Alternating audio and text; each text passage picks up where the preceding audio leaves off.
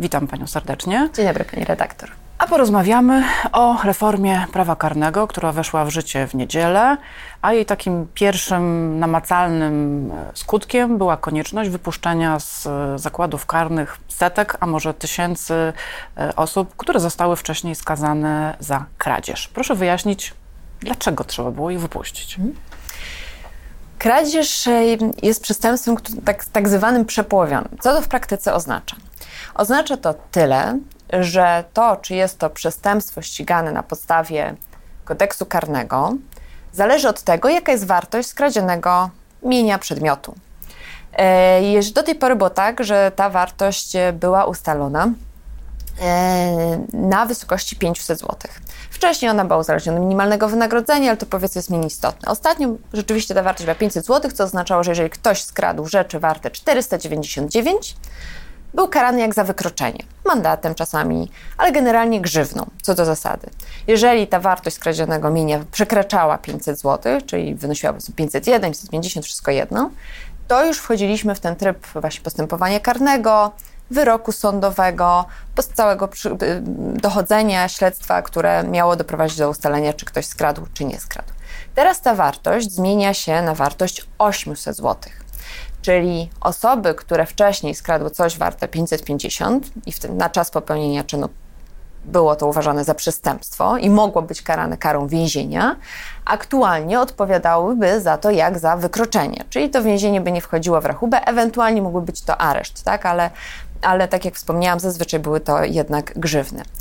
I mamy taki magiczny przepis w kodeksie karnym, który mówi o tym, że jeżeli e, wyrok wskazuje karę, czy skazano kogoś na karę, która w świetle nowych przepisów nie jest już dopuszczalna, to trzeba ten wyrok zmienić tak, aby ta kara była najwyższą możliwą na podstawie nowych przepisów. Czyli mimo tego, że wszyscy znamy zasadę, że prawo nie działa wstecz, to jest szczególny przypadek, w którym w pewien sposób działa wstecz. Ale Korzystnie. tylko na korzyść, tak, tak. To jest generalnie przepis artykułu 4 kodeksu karnego, który generalnie e, powoduje, że jeżeli przepisy się zmieniają, są nekorzystniejsze, to powinny generalnie działać na korzyść osób skazanych. Zresztą taki przypadek wypuszczania e, osób e, miał już miejsce właśnie w latach wcześniejszych, w 2013 bodajże, kiedy właśnie też między innymi ta wartość była zmieniana.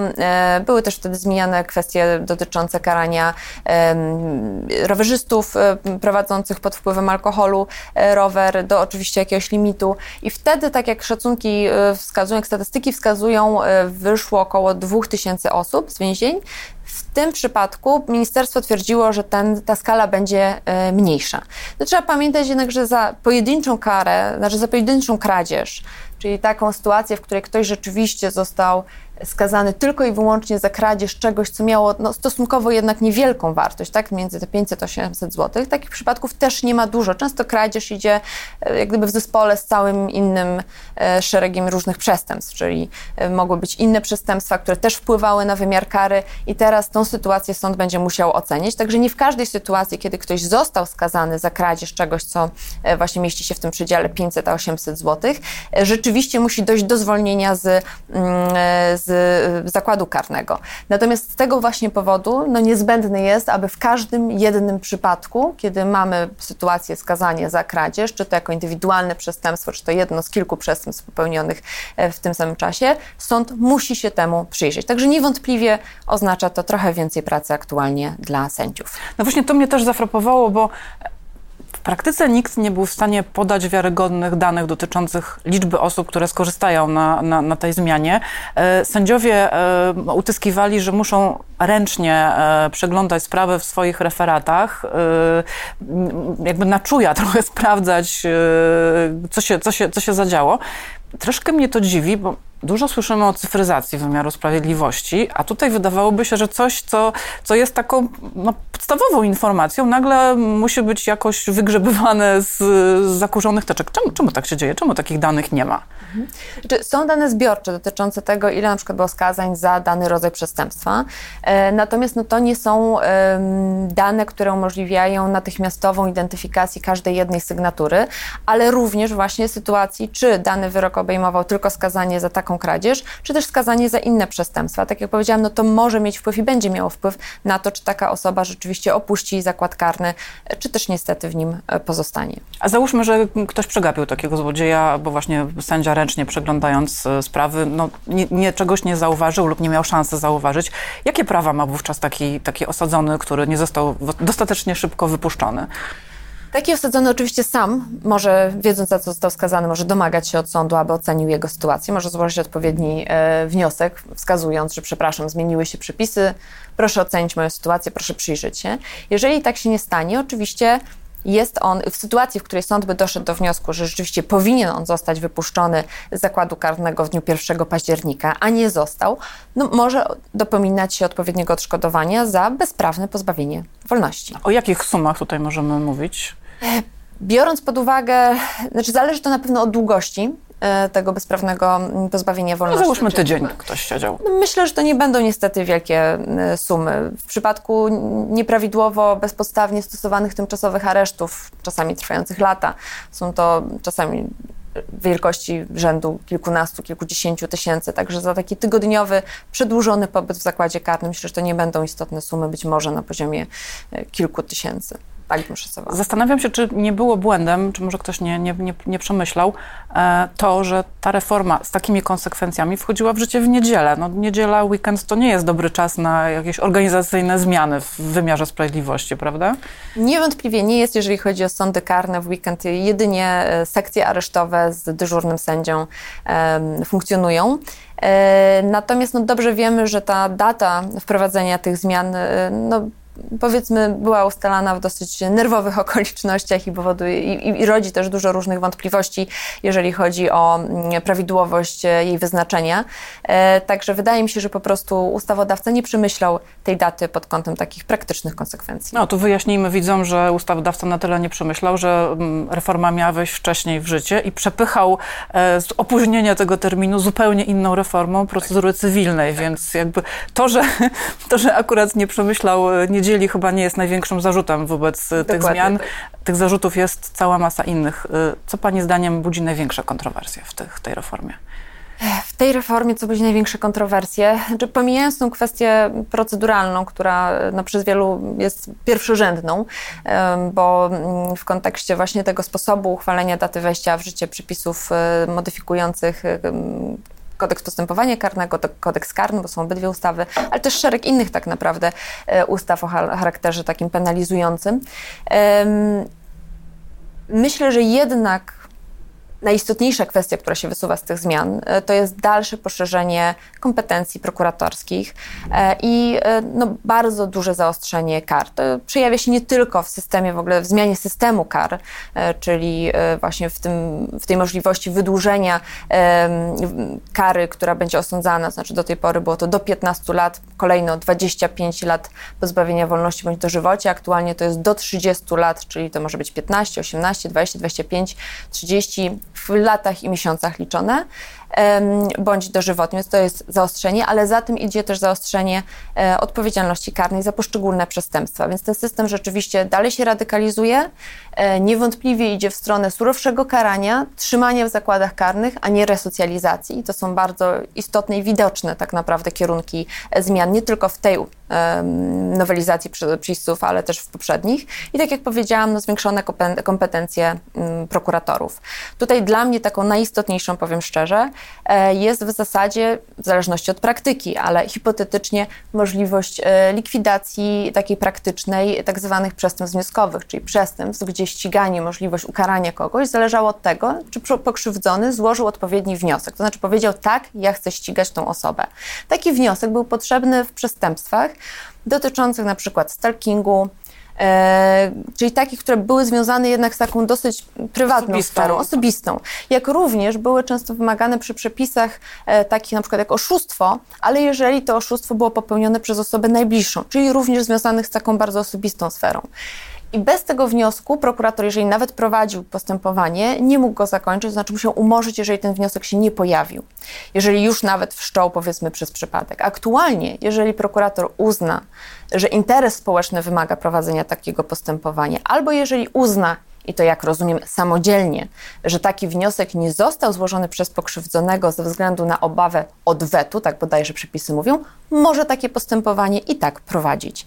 Wydaje się, przynajmniej w mojej ocenie, że taka zmiana może stanowić naprawdę y, duży dyskomfort w wielu przypadkach dla osób pokrzywdzonych przestępstwem i sprawców ze względu właśnie na te różne bliskie relacje osobiste. No ale można na to popatrzeć z drugiej strony. E, ofiary właśnie bardzo często nie chcą ścigania, bo się boją, bo boją się odwetu, a tutaj jakby ktoś e, za nich decyduje i one jakby mają czyste ręce, tak? Mogą się wytłumaczyć, że one nie chciały nic. Zgadzam się. Myślę, że tylko tutaj dotykamy problemu dużo szerszego i wykraczającego również poza aktualną e, nowelizację przepisów, to znaczy problemu zaufania do państwa, w szczególności do organów ścigania. Miejmy nadzieję, że to się zmieni i rzeczywiście ten przepis będzie używany w takich sytuacjach, w których powinien, na jakich pani redaktor wspomniała, bo takie sytuacje też mają miejsce, mam tego mm, świadomość. Natomiast na pewno e, rodzi się obawa, że będzie on również traktowany instrumentalnie. Wróćmy do samego zaostrzenia kar. Czy poziom polskiej przestępczości uzasadnia takie, takie zaostrzenie? Czy rzeczywiście jest tak źle, że musieliśmy e, wprowadzić surowsze kary? Na pewno ocena bezpieczeństwa jest oceną subiektywną. Natomiast wydaje mi się, że wystarczy spojrzeć chociażby na spoty Ministerstwa Sprawiedliwości, które towarzyszą wprowadzanym e, reformom, e, które mówią o tym, że Polska już jest bezpiecznym krajem i jednym z najbezpieczniejszych w Europie. E, I ta zmiana ma tylko pogłębić ten stan. Oczywiście wraz ze zmianą czasów ten poziom przestępczości się zmienia. Ja osobiście z własnej praktyki mam wrażenie, że ta przestępczość taka e, podstawowa, do której sięga taka kryminalna, karna, stricte, e, związana właśnie z zabójstwami, z gwałtami, e, nie ulega jednak znaczącemu, drastycznemu zwiększeniu, tak aby te kary były rzeczywiście, zaostrzenie tych kar, a w takim stopniu było rzeczywiście aż tak konieczne, tym bardziej, że to zaostrzenie dotyka ponownie praktycznie tych samych przestępstw, tak? Doktryna, sądy widzą dużo innych problemów, często proceduralnych, związanych z prowadzeniem tego, tych postępowań. Także nie wiem, czy jest to rzeczywiście e, uzasadniona radykalizacja kar. Reforma wprowadza e, karę bezwzględnego dożywocia. Podczas prac nad e, nowelizacją pojawiło się mnóstwo głosów, że takie rozwiązanie jest sprzeczne z Europejską Konwencją Praw Człowieka. Z tego też powodu wielu prawników apelowało do prezydenta, by zawetował nowelizację. No, jak wiemy, nie posłuchał. Jak pani sądzi, co dalej może się zadziać z, z tym problemem? Czy będziemy mieli wysyp spraw do Strasburga? Mm, czy wysyp? Nie wiem, bo to przede wszystkim zależy od tego, jak często ta kara dożywotniego bezwzględnego pozbawienia wolności będzie orzekana. Y, tak naprawdę dożywotnie pozbawienie wolności jest przewidziane w bardzo ograniczonej liczbie przepisów, y, także nie, nie będzie to wielka skala. Natomiast niewątpliwie w sytuacji, w której dojdzie do skazania takie bezwzględne dożywocie i trafia, sprawa zostanie zakończona tutaj w Polsce, y, będzie możliwość złożenia skargi do Europejskiego Trybunału Praw Człowieka i my myślę, że Europejski Trybunał Praw Człowieka może zgłaszać daleko idące wątpliwości co do mm, prawidłowości, zgodności e, wprowadzanych aktualnie zmian ze standardami ochrony praw człowieka. To może zapytam się przewrotnie, a czy jest cokolwiek w tej nowelizacji, co się Pani podoba? Co było pożądane przez, przez adwokatów karnistów? Powiem szczerze, że Osobiście ja nie znajduję takiego przepisu. Być może są adwokaci, którzy rzeczywiście um, tą surowość kar w jakimś sensie oceniają jako, jako pozytywną. Ja niestety takich, takich przepisów nie widzę. Może tutaj, tak jak już rozmawiałyśmy, e, kwestia tych przestępstw wnioskowych e, przyniesie jakieś pozytywne skutki w zakresie ochrony pokrzywdzonych, które rzeczywiście lękają się przed wniesieniem e, sprawy do prokuratury. To daje, powiedzmy, chyba największą nadzieję, jeżeli chodzi o te zmiany przepisów. A co pani sądzi o zaostrzeniu odpowiedzialności karnej 14-latków? Myślę, że jest to temat bardzo kontrowersyjny. E, I myślę, że nie zostały tutaj przeprowadzone odpowiednie badania. E, oczywiście zależy, znaczy kwestia karania osób małoletnich zależy od ich tak naprawdę e, dojrzałości. No, jak to się e... mówi, dzieci nam dzisiaj szybciej dojrzewają. Tak, dzieci nam dzisiaj szybciej dojrzewają, to niewątpliwie. Natomiast e, pytanie, czy one dojrzewają rzeczywiście w takim znaczeniu, że potrafią rozpoznać znaczenie własnych czynów. Bo w sytuacji, w której zaczniemy karać za wcześnie, E, to poczucie e, nie, doprowadzi to do żadnych pozytywnych skutków. Bo już na tym etapie rozwoju dzieci nie reagują na zasadzie wolno, nie wolno, e, tylko jednak poddają cały proces pewnej refleksji. Badania generalnie pokazują, że resocjalizacja ma sens, jeżeli jest właściwie prowadzona, szczególnie właśnie na tym wobec najmłodszych sprawców.